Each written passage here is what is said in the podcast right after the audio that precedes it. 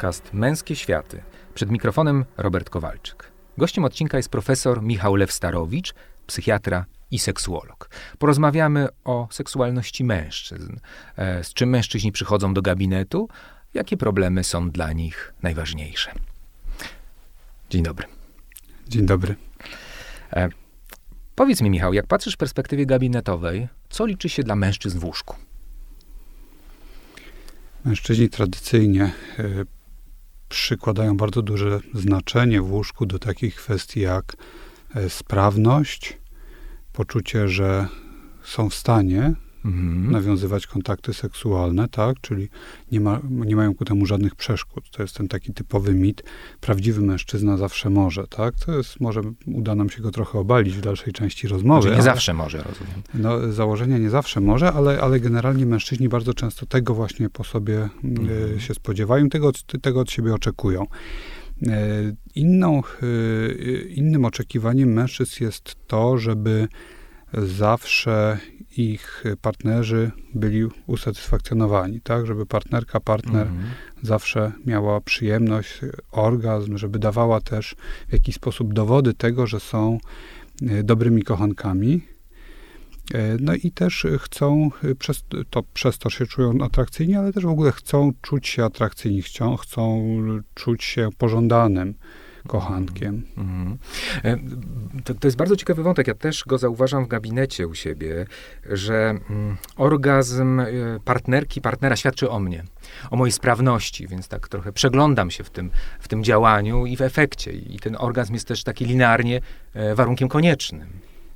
Tak, takie troszeczkę odhaczenie tego punktu najważniejszego. To jest jakaś nagroda, prawda? Tak, doprowadziłem ją do orgazmu mhm. i to jeszcze najlepiej e, nie łechtaczkowego, tylko pochwowego, tak? E, A, Co, to jest tak, to rozumiem, szczyt, święty gral. E, to jest ten święty gral, najlepiej wielokrotnego. Mhm. No troszeczkę oczywiście sobie tutaj dworujemy, mhm. ale chodzi o pokazanie w przerysowaniu pewnych oczekiwań, które i, i pewnych mitów, które się stąd rodzą, tak? Bo chociażby to rozróżnienie orgazmów na takie słabsze i te lepsze, mhm. też co nie ma zbyt logicznego uzasadnienia, ale to jest trochę taką spuścizną y, Freuda i, i tych, tych y, właśnie takiego pojęcia mniej lub bardziej dojrzałych orgazmów. Mhm.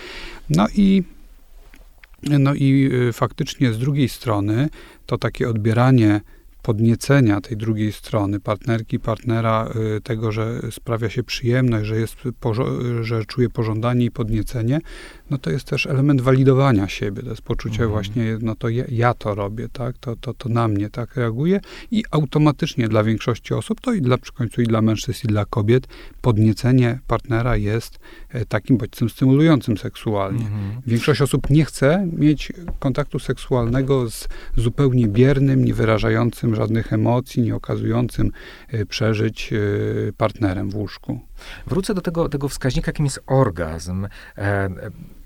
Bo jakby w seksuologii dyskutujemy e, różne modele seksualności. W linearnym e, modelu rzeczywiście orgazm jest no, tym elementem, można powiedzieć, kulminacyjnym, tak to często jest też opisywane. E, I często, nie wiem jakie ty masz doświadczenie, ale jak jakby patrzę na pacjentów, to jest takie przekonanie, że orgazm być musi, że nie ma seksu bez orgazmu. To znaczy, że trudno nazwać coś seksem, jeżeli to nie było kontaktem genitalno-genitalnym, zakończonym orgazmem. Jak ty to widzisz? Tym bardziej, że to się bardzo wpisuje w taki męski model seksualności, gdzie E, orgazm i wytrysk nasienia jest e, właściwie po pierwsze utożsamiany jako jedno zdarzenie, a po drugie traktowany faktycznie jako ten punkt kulminacyjny. No i też tradycyjnie oczywiście jest tym e, elementem niezbędnym, żeby tą partnerkę zapłodnić, prawda? Mhm. Czyli z punktu widzenia prokreacyjnego to jest też ten jeden z podstawowych elementów potencji, możliwości mhm. doprowadzenia również i do zapłodnienia. Natomiast przełożenie tego jeden do jednego na na, drugą stronę, na właśnie to, co jest oczekiwane od partnerki, no, może prowadzić do tego właśnie, że również, no, jaki, i to nie był seks, prawda, bo nie było orgazmu, nie było... Nie Ale nie było to... penetracji, wie, wiesz, ja też patrzę na to w tej mhm. perspektywie, że e, seks jest bardzo wąsko, wąsko traktowany najczęściej, czyli chodzi o penetrację genitalno-genitalną plus orgazm. Seks był. Pie nawet mhm. w, w języku, prawda, gra wstępna do... Tak Tak, coś, co jest wstępem do tego czegoś bardziej właściwego. Tak, prawda? I to, i to, jest, i to jest moim zdaniem kluczowe. No właśnie, a masz poczucie, że dalej ten linearny model jest mocno zakorzeniony, że rzeczywiście to słyszysz w gabinecie od facetów, że od mężczyzn? Tak, z całą pewnością. Zresztą nie mhm. tylko od mężczyzn, bo y, często y, również od kobiet, które narzekają na przykład na to, że y, trudno jest im nawiązywać kontakty seksualne, bo no, nie mają takiego impulsu, nie mają, mhm. nie, nie czują, y, że, że, że, że myślą, że chcą tego seksu, mhm. nie, nie rozumiejąc tego, że y, to, to nie jest standard i nie, nie, jest, nie jest konieczny standard, żeby obudzić się rano i pomyśleć, o mam dzisiaj ochotę na seks, tak? Mhm. Albo, albo nagle y, y, poczuć taki impuls w głowie, gdzie w gruncie rzeczy czasami go trzeba trochę przygotować, tak? Mhm. To się mhm. też pokazuje w związkach z dłuższym stażem i szczególnie mhm. właśnie w odniesieniu do e, kobiet, gdzie potrzeba jest stworzenia pewnego rodzaju warunków, atmosfery, kontekstu i nagle, czy nawet e, stworzenia sytuacji podniecenia seksualnego, w których się pojawia pożądanie, które określamy jako to takie pożądanie odbiorcze i ono zostało właśnie wpisane w ten model bardziej tak zwany cyrkularny, cyrkularny. kobiecej mhm. seksualności. Pytanie, dlaczego tylko kobiecej? Właśnie dlaczego... tu jest, widzisz, wyprzedasz moje pytanie, no. bo to jest przeciekawy wątek. E, popatrz, jak jeździmy na kongresy seksuologiczne, tam jest taki e, bardzo często pokazywany taki model, że e, kobieca seksualność, mnóstwo tych włączników, lampek, a męska to jest taki jeden włącznik, prawda? Że ona jest jakaś taka uboższa, jakaś taka kaleka wręcz, że tam mhm. tylko, tylko wystarczy miejsce, e, a, a kobiety to potrzebują, nie to, wiem, mieć powód, prawda? To prawda, wszyscy wykładowcy na konferencjach faktycznie lubują się w takim slajdzie mhm. E, i no ja właściwie muszę powiedzieć, że też nieraz go pokazuję, e, trochę z przymrużeniem oka, ale to wywołuje zwykle też dojrzewą reakcję na mhm. sali, prawda? Co też da, jest pewnym sygnałem, że to jest pewien wzór, pewien stereotyp, który mhm. jest y, silnie utożsamiany. Tak. No więc ten model seksualności męskiej i kobiecy bywa czasami nadmiernie rozdzielany, ale to samo się zadziało przecież z y, tym fenomenem Viagry, tak? Mhm. Czyli lek, który został wyraźnie y, przydzielony mężczyznom, Mhm. Chociaż w sensie biochemicznym substancje z tej grupy działają zarówno wobec mężczyzn i kobiet. Tak? Mhm. My mamy te same tkanki erekcyjne w ciele trochę inaczej rozmieszczone, e, ale lek jest dla mężczyzn. Mhm. A z drugiej strony trwają i cały czas są nagłaśniane poszukiwania wiagry dla kobiet w cudzysłowie. Mówimy tutaj nazwą, mhm. chociaż to nazwa leku, ale jest to też taka popkulturowe już zjawisko, prawda? Więc tego się powszechnie używa. Więc to poszukiwanie y, wiagry dla kobiet jest błędem logicznym samym w sobie, ponieważ e, no, tego typu leki działają również e, biochemicznie u kobiet, a poszukiwanym lekiem nie jest lek na podniecenie genitalne kobiet, tylko na pożądanie seksualne. Mhm. Więc chodzi o coś zupełnie innego, mhm. więc nawet nie powinno się używać tej samej nazwy, ale rozumiem, że chodzi o stworzenie pewnego fenomenu na rozwiązanie często zgłaszanego problemu przez mhm. kobiety w seksie. No właśnie, ale wróćmy do mężczyzn, bo e, jakby do tego uproszczonego modelu. E, powiedz, sprawność erekcyjna, jako miara też, e, e, miara męskości i miara e, seksualności. Czyli jest erekcja, jest e, zawsze gotowy, e, zawsze sprężysty, zawsze sprawny, tak. to znaczy, że jest męski. Tak, czyli taka erekcja prąci jako pewien wskaźnik czy barometr męskości, mhm. pożądania, czasami też utożsamiany przez drugą stronę jako barometr atrakcyjności, tak? Mhm. Jestem atrakcyjny, atrakcyjna, bo on ma erekcję, tak? E, w ten sposób. A nie mam, a nie ma, znaczy nie jestem.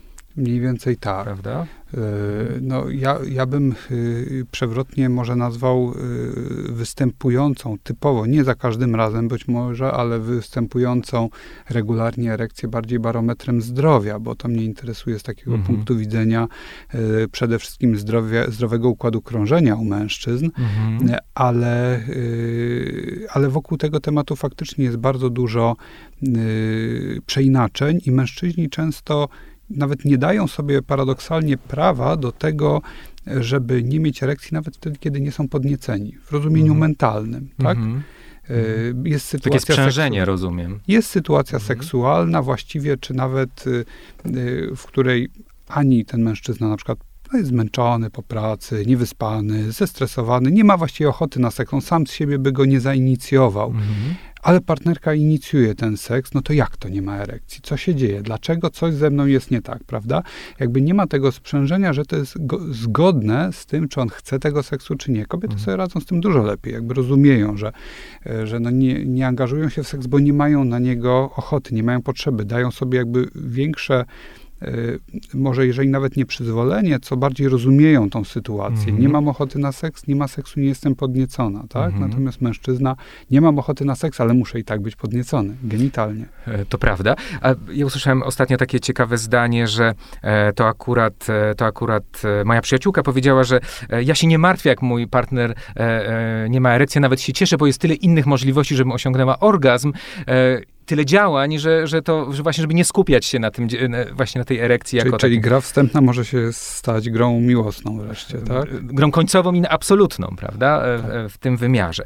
E, powiedziałeś też na początku, że to jest też kwestia e, pewnego rodzaju, mm, mówimy o tej sprawności, ale ja też sobie wyobrażam, że to jest też taka sprawność, która jest, ma być sprawnością maksymalną. Popatrz, jak wiele preparatów, wspomniałeś o Viagrze, ale też jest, rynek oferuje leki i nie leki, e, które mają dać ustawiczną sprawność, że, mhm. że to mhm. jest tak, że jakieś poprawy osiągów. Dla mnie ta, taka analogia do sportu wręcz się tutaj e, pojawia. To jest największy w końcu rynek e, substancji, które mają wspomagać seksualność, czyli mhm. E, czy farmaceutyczny, czy, czy rynek e, suplementów mających wpływać na seksualność z jednej strony.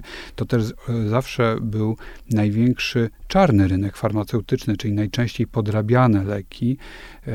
dostępne w tym właśnie obiegu takim nielegalnym, również te, które miały wpływać no mhm. właśnie na e, erekcję u mężczyzn, to też najczęściej fałszowane pod względem składu różne preparaty, bo jak ujawniono, bardzo wiele różnych takich preparatów sprzedawanych bez recepty miało y, potajemnie wkładane do środka, tak, substancje, które tak naprawdę działały preerekcyjnie, były mhm. składowym, składowymi leków, więc tutaj bardzo dużo jest wokół tego y, tak, takiego no, przemysłu, próby wpompowania w te, w, te, w te produkty czegoś, co będzie pobudzało mhm. e, sprawność seksualną mężczyzny w mhm. rozumieniu e, erekcji.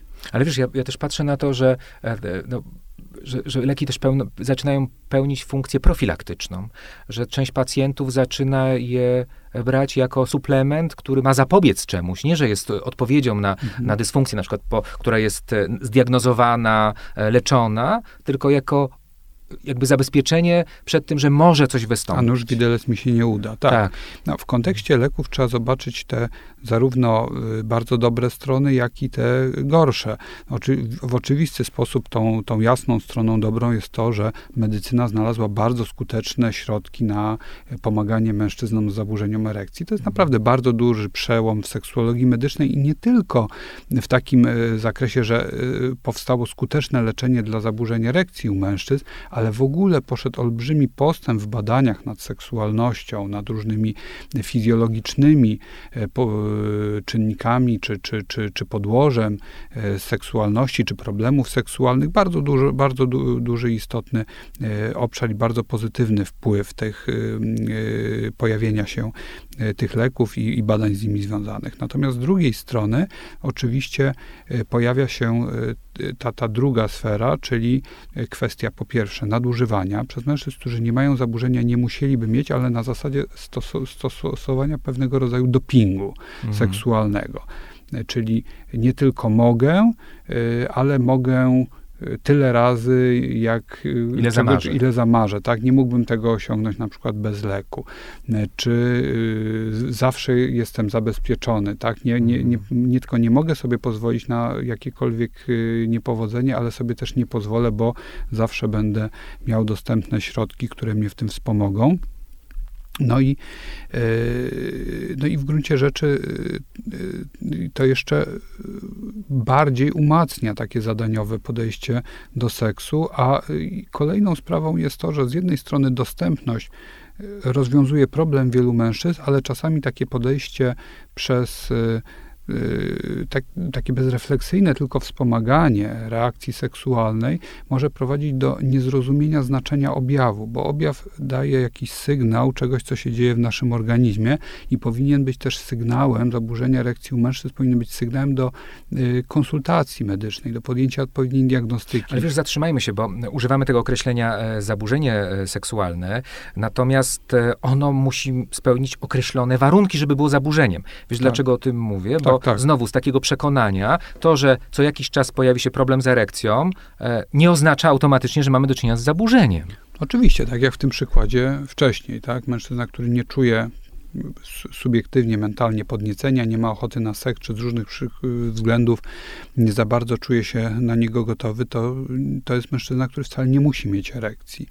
E, z drugiej strony, jeżeli problem powtarza się, e, występuje nie tylko sporadycznie, ale, ale y, ma charakter już taki utrwalony, powtarzalny, regularny, y, staje się to wyraźnym problemem w mhm. podejmowaniu aktywności seksualnej, no to w tym momencie właśnie już nie należysz z kolei szukać w drugą stronę wyjaśnień, na pewno to przez zbyt dużą ilość pracy, na pewno właśnie przez zmęczenie, mhm.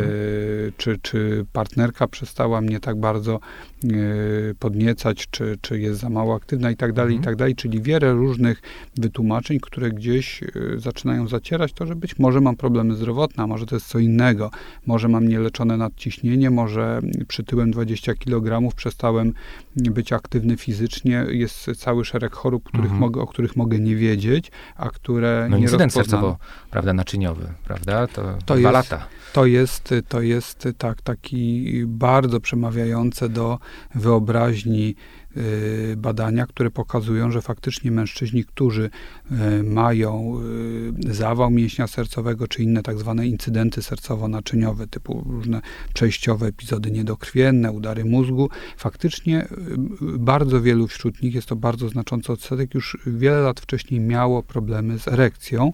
Czyli doskonały wskaźnik zdrowia, tak jak Doskonały mówisz, tak? wskaźnik zdrowia, tak jest. Jeżeli jeden z najsilniejszych takich czynników ostrzegawczych, że coś może być nie tak, w szczególności w układzie krążenia. Mhm.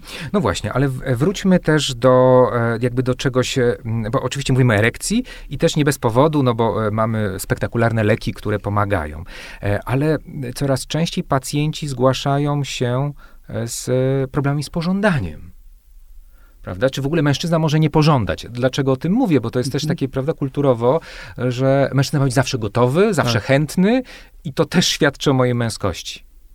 Oczywiście, tak. To, to jest często też traktowane trochę w pakiecie. Oczywiście pożądanie z podnieceniem ma dużo wspólnego, niewątpliwie. Mhm. Y, I zresztą mężczyźni, którzy zgłaszają się do mnie, skarżąc się na zmniejszoną ochotę na seks, obniżone pożądanie, to są też bardzo często mężczyźni, którzy wcześniej w tym celu już próbowali stosować leków wspomagających erekcję, tak? Mm. Jakby mając tak, e, wyobrażając sobie, że, że to jest e, antidotum na wszystko. Oczywiście u wielu mężczyzn jest tak, że zmniejszenie ochoty na seks jest pewnego rodzaju reakcją obronną. Jeżeli są problemy z erekcją, to y, unikam pewnej frustracji w czasie y, zbliżenia seksualnego, mam na niego coraz mniejszą ochotę, mhm. coraz bardziej unikam, tak może być, ale y, pożądanie no też rządzi się swoimi prawami i generalnie bardzo często i od tego zaczynam pracę z pacjentem, że pacjent przychodzi do mnie z objawem i wyobraża sobie, że po prostu dostanie tabletkę na ten objaw. Natomiast oczywiście tak może się zdarzyć i pewnie wielokrotnie można ten objaw wyeliminować przy pomocy tej tabletki, ale moim zadaniem jest powiedzenie pacjentowi, że tutaj to może wynikać z konkretnych chorób. Być może my teraz załatwimy sprawę tabletką, ale jeżeli nie podejmiemy teraz badań, to być może będzie pan miał za 2-3 lata pierwszy zawał mm -hmm, serca mm -hmm. i może to, i to często przemawia do wyobraźni, jakby wytłumaczenie też, dlaczego tak jest, dlaczego trzeba podjąć określone badania i z czego mogą wynikać te czynniki. No i tutaj y, tych przyczyn oczywiście trzeba szukać na różnych piętrach. E, też taki kontekst e, dość perwersyjny nadają badania Instytutu Kinseya, bo e, okazuje się, że jest spadek liczby kontaktów seksualnych, generalnie. Że obserwuje się, jeżeli badamy oczywiście liczbę, mhm. że tych kontaktów jest coraz mniej. To mnie bardzo nie dziwi akurat. No, a jak tłumaczysz to? To y, można wytłumaczyć wieloma czynnikami, ponieważ mhm. trzeba taki, taką prostą nawet koncepcją czasu, który mhm. posiadamy w naszej codzienności, w naszym życiu, który zwykle dzielimy między różne aktywności. Mhm. Wydaje mi się, że współczesny człowiek ma dużo więcej różnego rodzaju pokus czy, czy różnego rodzaju aktywności, które go pochłaniają, niż było to jeszcze kilkadziesiąt lat temu. Stąd znaczy, chcesz też... powiedzieć, że seks może być mniej atrakcyjny? Może stać się mniej atrakcyjny dla wielu osób. Nie jest powiedziane dla wszystkich seks mm. jest tym najbardziej atrakcyjnym, ale chociażby... Ale wiesz, jak być męskim, jak seks dla mnie nie jest ustawicznie atrakcyjny? Ja mówię kulturowo. Popatrz na taki, taki kawałek, który jest od, od, od zawsze, prawda? Że seks, e, sprawność seksualna jest numerem jeden, no, jeżeli chodzi o... Sprawność, tak, sprawność mm. seksualna, niekoniecznie atrakcyjność seksu, ale no, pamiętajmy, że wzorce się też zmieniają na mm. przestrzeni lat, ale mówiąc o tym, co odciąga od tej aktywności seksualnej, to bardzo często jest chociażby y, większa, większe zaangażowanie w, w pracę na przykład. To obserwujemy, że w tej chwili otworzenie różnych wielu możliwości, z których ludzie bardzo szeroko mhm. czerpią. Tam y, no, znane są też takie kulturowe obserwacje y, tych, tych społeczeństw, które na przykład żyją w relatywnie większej biedzie, czy mają mniej możliwości związanych z rozwojem zawodowym, pracą, których na przykład seks pełni, wydaje się pełnić dużo ważniejszą rolę i są bardziej aktywni seksualnie, z racji tego, że też jest mniej tych zagłuszaczy. Mhm. Oczywiście ja wymieniłem pracę, ale to nie jest jedyna.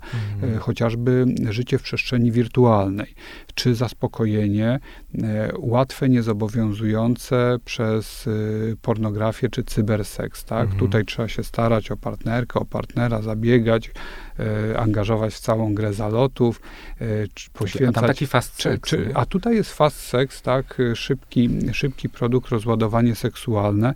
E, to oczywiście nie jest pochwałą takiego trybu życia, zresztą w ogóle trudno jest oceniać. Ja akurat mam do czynienia z bardzo wieloma mężczyznami, który, którzy utracili kontrolę nad swoimi zachowaniami seksualnymi, zgłaszają się z powodu tak zwanych kompulsywnych zachowań mhm. seksualnych, poczucia, że nie panują nad tym, jak korzystają na przykład z pornografii, masturbują się, nie, mają trudności z nawiązaniem kontaktów seksualnych. Czyli u nich to jest dobry przykład skądinąd ta potrzeba wyjściowa pewnej męskości, sprawności seksualnej jak najbardziej mhm. jest obecna, ale jednocześnie została w jakiś sposób gdzieś wytraca się w takiej kompulsywnej seksualności, mhm. a problemem jest nawiązanie rzeczywistej, prawdziwej relacji e, seksualnej. Czyli można powiedzieć, że po części z jednej strony mężczyzna dowiaduje się o sobie, że jest fizycznie sprawny seksualnie, czyli na przykład mhm. może osiągać erekcję czy orgazm, ale z kolei ma trudność z nawiązaniem relacji seksualnej, mhm. nawiązaniem kontaktów, bo nie nauczył się też społecznie funkcjonować w taki sposób, żeby, mhm. żeby tych kompetencji nabyć, czy nauczyć ale się wiesz, ty poruszasz taki wątek, który e, też jakby, jak widzę w terapii par, że to jest też tak, że jest jakaś taka obawa e, przed czymś, co się podzieje w relacji. E, dla mnie to kojarzy się z takimi nowymi modelami męskości, w tym sensie, że e, na przykład e, przywołam, przywołam taki przykład, który jakby schematu, który się powtarza bardzo często wśród pacjentów i nie wiem, jak ty go interpretujesz, że mm, facet mówi, że, mężczyzna mówi, że jakby jest w relacji i, i stara się jak najbardziej tą relację prowadzić równościowo, natomiast jakby czuję, że to jest taki wątek, który wpływa też na seksualność. E, dla przykładu, chciałby, nie wiem, partnerkę w jakimś sensie zdominować, ale czuje się już źle z tym faktem, bo wchodzi w jakąś konwencję, która dla niego jest e, no, niewygodna etycznie prawda? Bo, bo, bo tutaj chcę bardzo... Czy, czy, czy na przykład potępiana społecznie, tak? Niezgodna tak. Z, z, z, z modelem. I no, pro, problem... znaczy, który, który wyznaje na przykład w sensie takim poznawczym, natomiast na emocjach to zaczyna tak grać, mhm. że seks spada. E, to prawda, czasami jest to też problem przyswojenia pewnego modelu w taki zero-jedynkowy mhm. sposób, tak? Czyli jakby zatraceniu się, że, że tak jest, taki jest jeden właściwy model, czyli na przykład teraz mamy związki partnerskie takim, które, gdzie wszyscy się dzieją wszystkim porówno, tak? Dzielą rachunek w restauracji na pół, jedno y, dzisiaj y, włącza pralkę, drugie rozwiesza pranie, mm -hmm. jutro będzie na odwrót y, i tak dalej, i tak dalej. Oczywiście nie chcę tego banalizować, ale jest grupa osób, które przyjmuje to w taki sposób y, zero-jedynkowy, w taki sposób, że nie umie się wsłuchać w swoje potrzeby. Właściwie, czy ja mam ochotę w takim, a nie innym modelu funkcjonować, czy funkcjonuję w takim, jaki, w jaki sposób teraz powinien być lansowany. Trzeba, oczywiście to jest trudniejsze, kiedy żyjemy w czasach, gdzie panuje pewna mnogość różnych modeli, tak? Mhm. Nie ma jednego modelu w cudzysłowie patriarchalnego.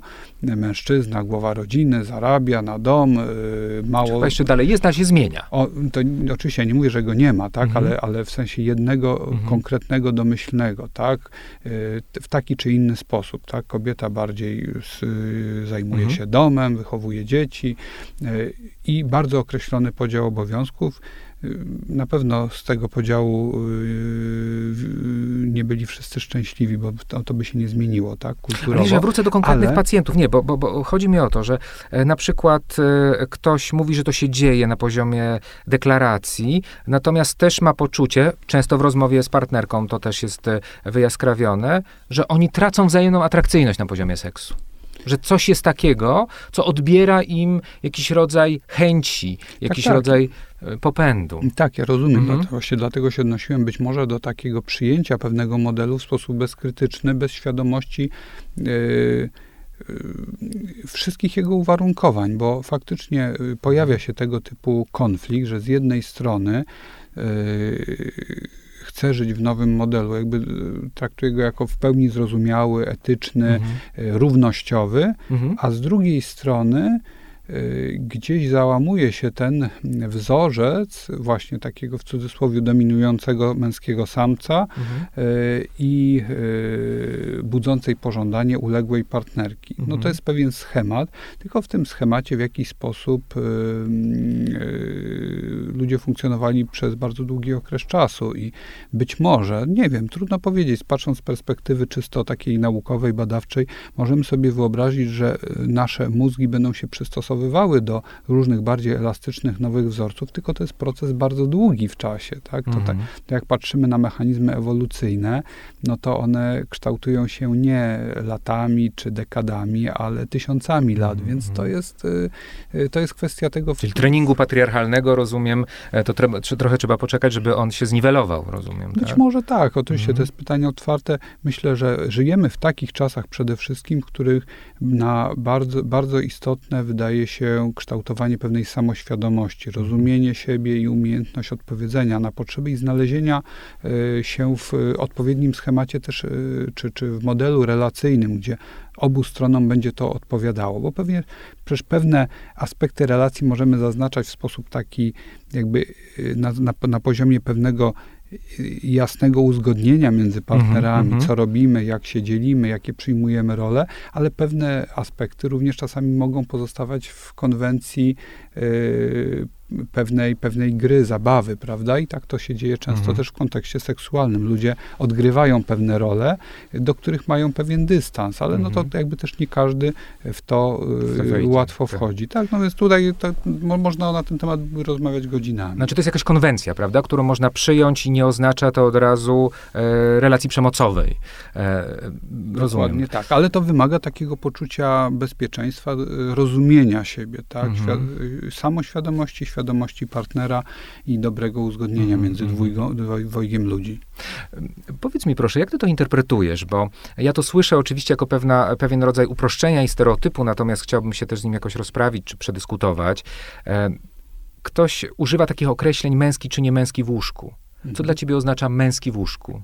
No istotne jest, co dla tej osoby oznacza męski, czy nie mhm. męski w łóżku. Mm -hmm. To w rozmowie, jeżeli słyszymy tego typu e, mm -hmm. deklaracje czy stwierdzenie, no to kolejnym krokiem oczywiście jest e, dowiedzenie się, co, co dana mm -hmm. osoba uważa za, za męskie bądź niemęskie, bo dla każdego w dużej mierze może oznaczać to e, co innego, a w szczególności teraz, kiedy żyjemy e, w świecie zróżnicowanych modeli męskości, te, te modele męskości są bardziej yy, zdywersyfikowane. Mhm.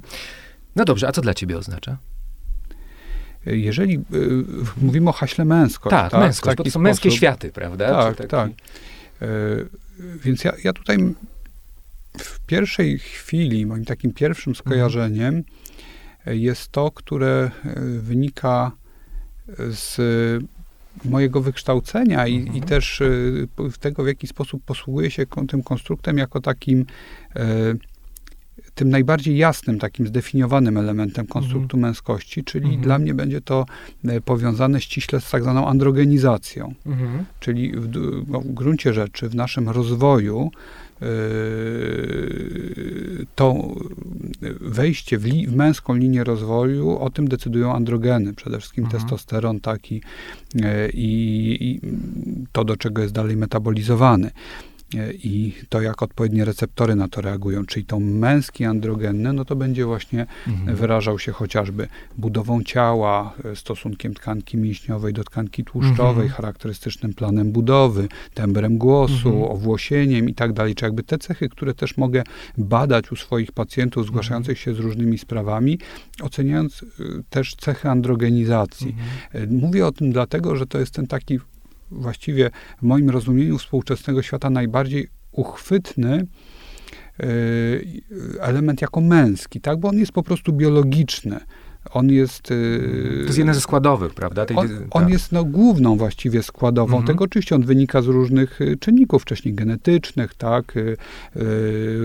pro, no, I tak dalej, różnych procesów, już nie wchodząc w szczegóły metaboliczne, ale to jest coś dość stosunkowo jasno zdefiniowanego. Wszystkie inne aspekty związane z męskością będą, e, aspekt, będą w znacznie większym e, stopniu pod wpływem e, czynników kulturowych, społecznych, pewnych procesów społecznego uczenia się. Mhm. Ja mogę powiedzieć, że nie może męskość kojarzyć się na przykład z pewnymi atrybutami, na przykład odpowiedzialności, odwagi, mm -hmm, konsekwencji, skłonności do, do też podejmowania na przykład pewnego rodzaju rywalizacji, czy, yy, czy w, w pewnych aktywności czysto fizycznych, czy, czy na przykład sposobu y, postrzegania bodźców bardziej o charakterze erotycznym czy seksualnym, ale to wszystko jest w, w tej chwili znacznie bardziej zrelatywizowane. Bo w dużej ale jest to mierze... przez to trudniejsze, bo to jest taki, e, jest tyle tych możliwości, że często te konstrukcje e,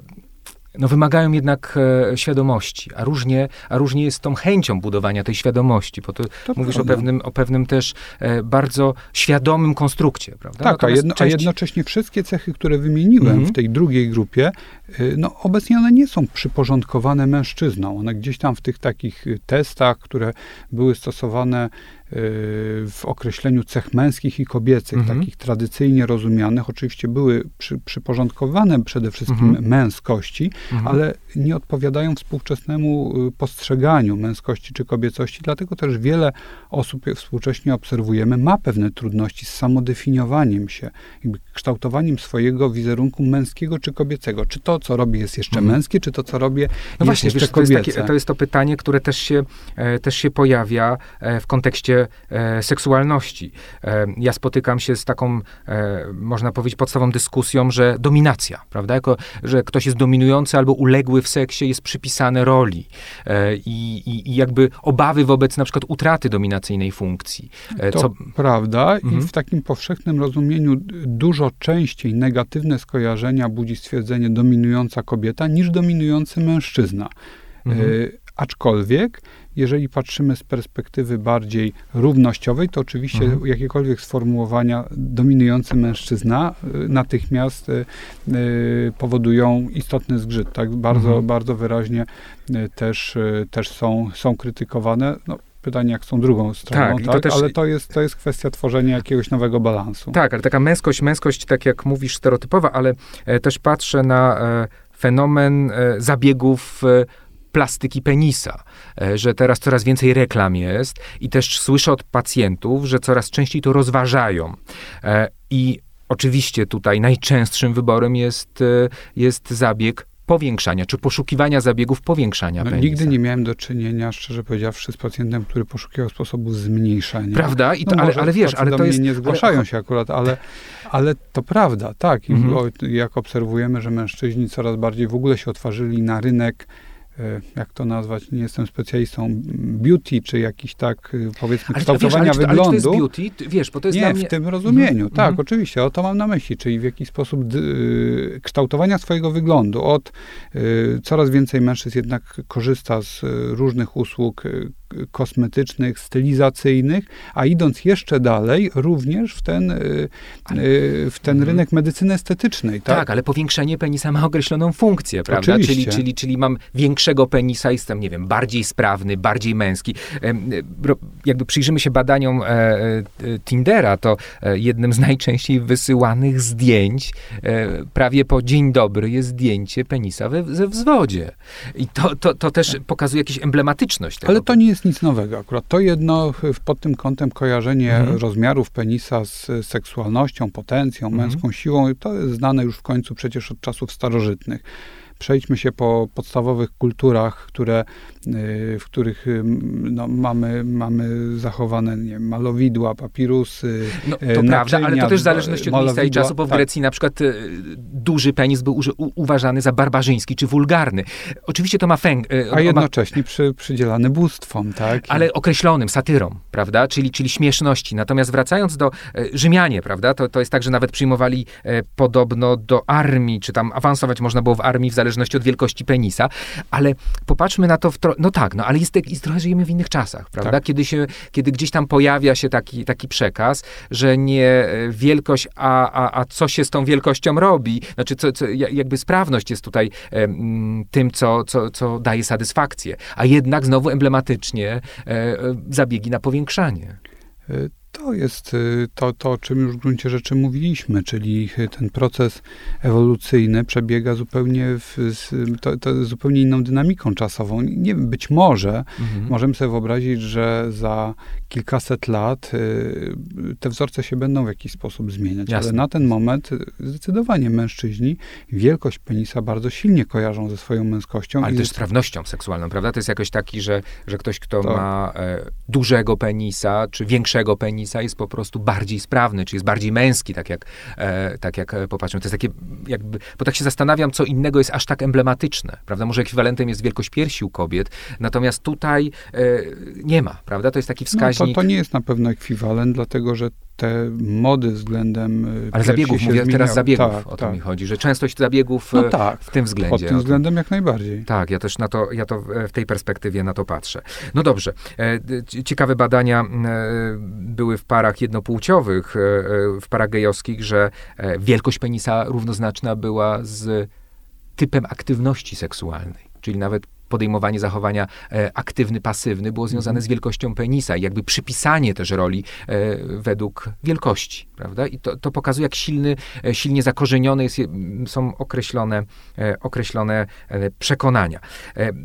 No właśnie, mówiliśmy o lekach na zaburzenia erekcji i też z tymi lekami jest tak, że e, ten rynek, e, tak jak powiedziałeś, jest, jest rynkiem totalnym i tam jest mnóstwo preparatów, które rzeczywiście działają i preparatów, które nie działają, e, ale też coraz częściej i w sumie najczęstszym problemem seksualnych mężczyzn są zaburzenia wytrysku prawda? To jest, to jest numer jeden, jeżeli popatrzymy e, na badania, czyli problem z, z kontrolą, czy, czy z Trudno powiedzieć, czy coraz częstszym, dlatego, mhm. że to, był, to zawsze była e, dominująca tak. dysfunkcja tak. seksualna mężczyzn, aczkolwiek y, nie dominująca pod względem zgłaszalności, tak, mhm. do specjalistów, ponieważ mężczyźni stosunkowo częściej trafiają z powodu problemu z erekcją, mhm. niż zgłaszają się z problemu z wytryskiem nasienia. No to dość, dość logiczne w kontekście całej naszej rozmowy i, i tego, w jaki sposób mężczyźni właśnie erekcji nadają tą szczególne znaczenie dla poczucia swojej męskości i sprawności seksualnej. Mhm. Względem e, kontroli czasu trwania stosunku, wiadomo, że przedwczesny wytrysk nasienia u mężczyzn należy do, do najczęstszych problemów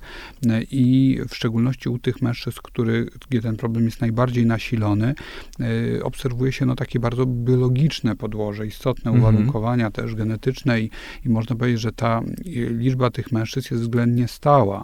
Mhm którzy cierpią z tego typu y, problemów, z powodu tego typu problemów, natomiast trudności z osiąganiem jako takiego orgazmu czy wytrysku, czyli problem mhm. przesunięty w drugą stronę, y, on o tyle jest częściej zgłaszany, że obserwujemy, y, przynajmniej jak, y, oczywiście to są pewne hipotezy, tak, w jaki sposób y, można sobie tłumaczyć, w jaki sposób też ja sobie to tłumaczę. Jednak dużo więcej mężczyzn w tej chwili intensywnie korzysta z pornografii. Ona jest dużo bardziej dostępna. Jest to taki, są to bodźce, które są w trudny sposób przekładalne mhm. na realne kontakty seksualne i wielu mężczyzn przyzwyczaja się do tak bardzo intensywnej stymulacji, którą trudno jest im odtworzyć w, mhm. w stosunkach. To jest jest jedna rzecz. Druga rzecz to jest też pewna seksualna długowieczność. W tej chwili obserwuje się dłuższe utrzymywanie aktywności seksualnej w funkcji wieku, mhm. kiedy dochodzą różne e, choroby współistniejące, problemy, w tym też problemy hormonalne. Mhm. One też się mogą przekładać na e, trudności z osiąganiem orgazmu.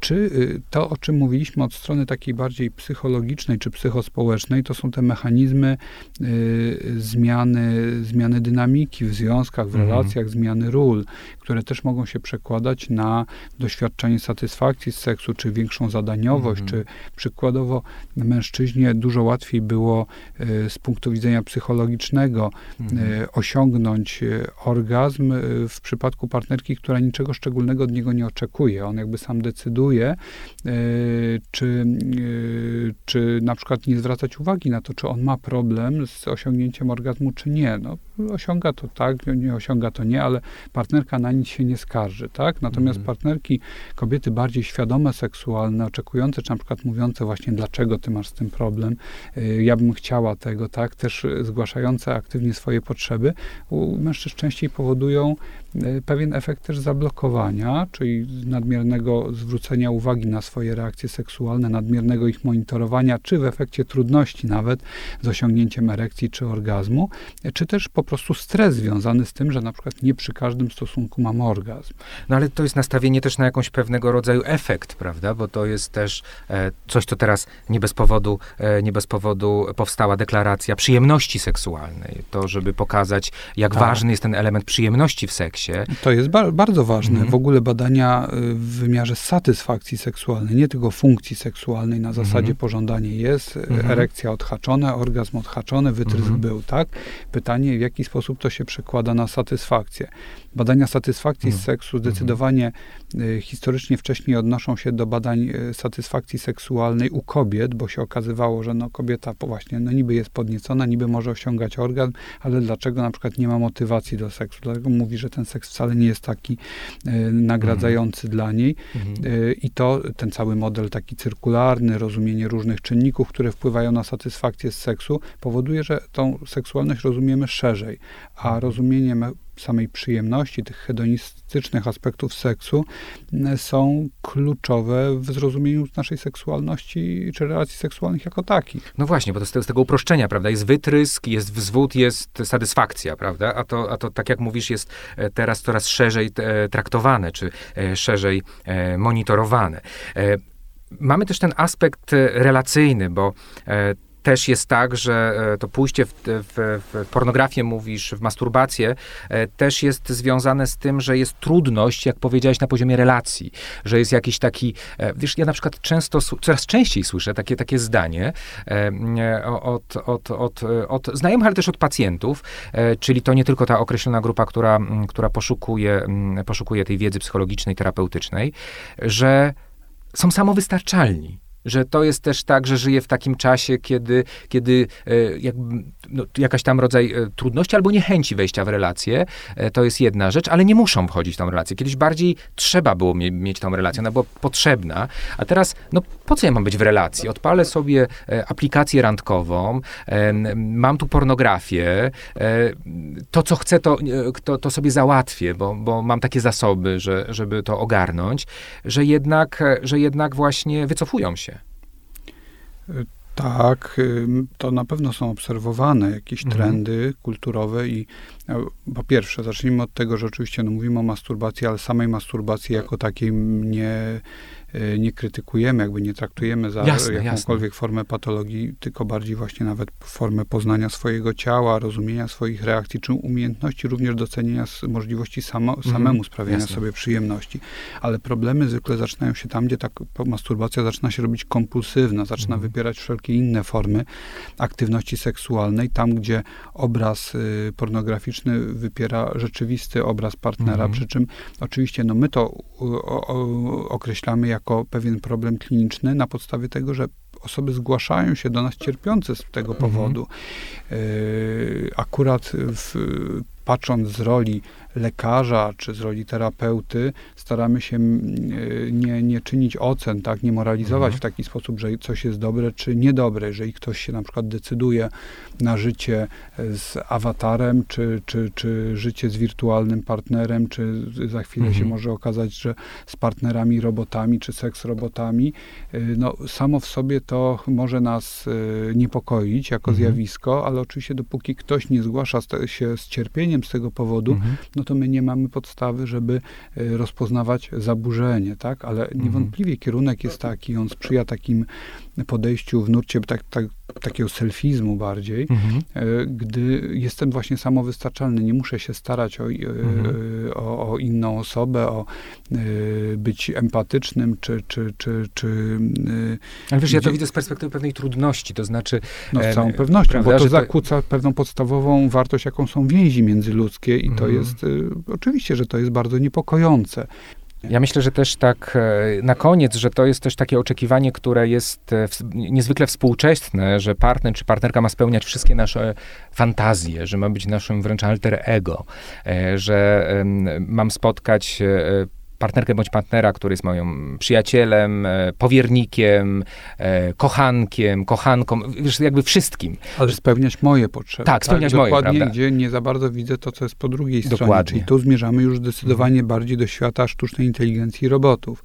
Mhm. Bo gdzieś na końcu tego wszystkiego... Że nie ma no, podmiotu, no, prawda? Musi być tak, tak, bezpodmiotowa maszyna, która spełni moje potrzeby. No to Wiesz co, ja pracuję, z, ja pracuję e, e, głównie z takim kawałkiem frustracji wynikającym z tego, że coś jest niespełnione. E, I coraz częściej dyskutuję to, co panu to robi, e, że, że czegoś pan nie ma, prawda? Bo to jest też taki, taki czas, że ja to dostaję automatycznie. Mówisz o pornografii, że to jako przy doskonałym przykładzie tego, jak można było bardzo szybko dostać pewien element, który, który od razu zaspokaja, prawda? Czyli jak jestem w relacji, czegoś nie ma. E, co... Ale można jednocześnie nie wykształcić różnych podstawowych tak. zdolności, które też skądinąd, tak, mhm. w tradycyjny sposób były silnie utożsamiane z męskością, czyli umiejętnością nawiązania tych relacji, zainteresowania sobą e, partnerek, partnerów, tak, i, i to, e, to, jest, to jest istotne. To, tak jak e, no, gdyby, gdyby z ulic znikły samochody elektryczne, hulajnogi, inne środki komunikacji, powiedzmy, mhm. nie napędzane inną siłą niż nasze nogi, to wszyscy byśmy byli prawdopodobnie szczuplejsi, bardziej wysportowani i byśmy musieli polegać bardziej na swoim ciele, prawda? Dostajemy pewien substytut siłą rzeczy y, dla bardzo wielu osób oznacza to utratę pewnych umiejętności, zdolności mhm. czy charakterystyki czy, siebie. Czy, czy, czy, jakby to do czegoś dostosowaliśmy e, przez lata, e, tysiące lat e, ewolucji. Dziękuję za uwagę. Zapraszam do słuchania kolejnych podcastów na kanałach streamingowych. Moim gościem był profesor Michał Lew-Starowicz. Michał, dziękuję Ci za przyjęcie zaproszenia. Słuchali Państwo podcastu Męskie Światy, a prowadził go dla Państwa Robert Kowalczyk. Dziękuję bardzo. Dziękuję.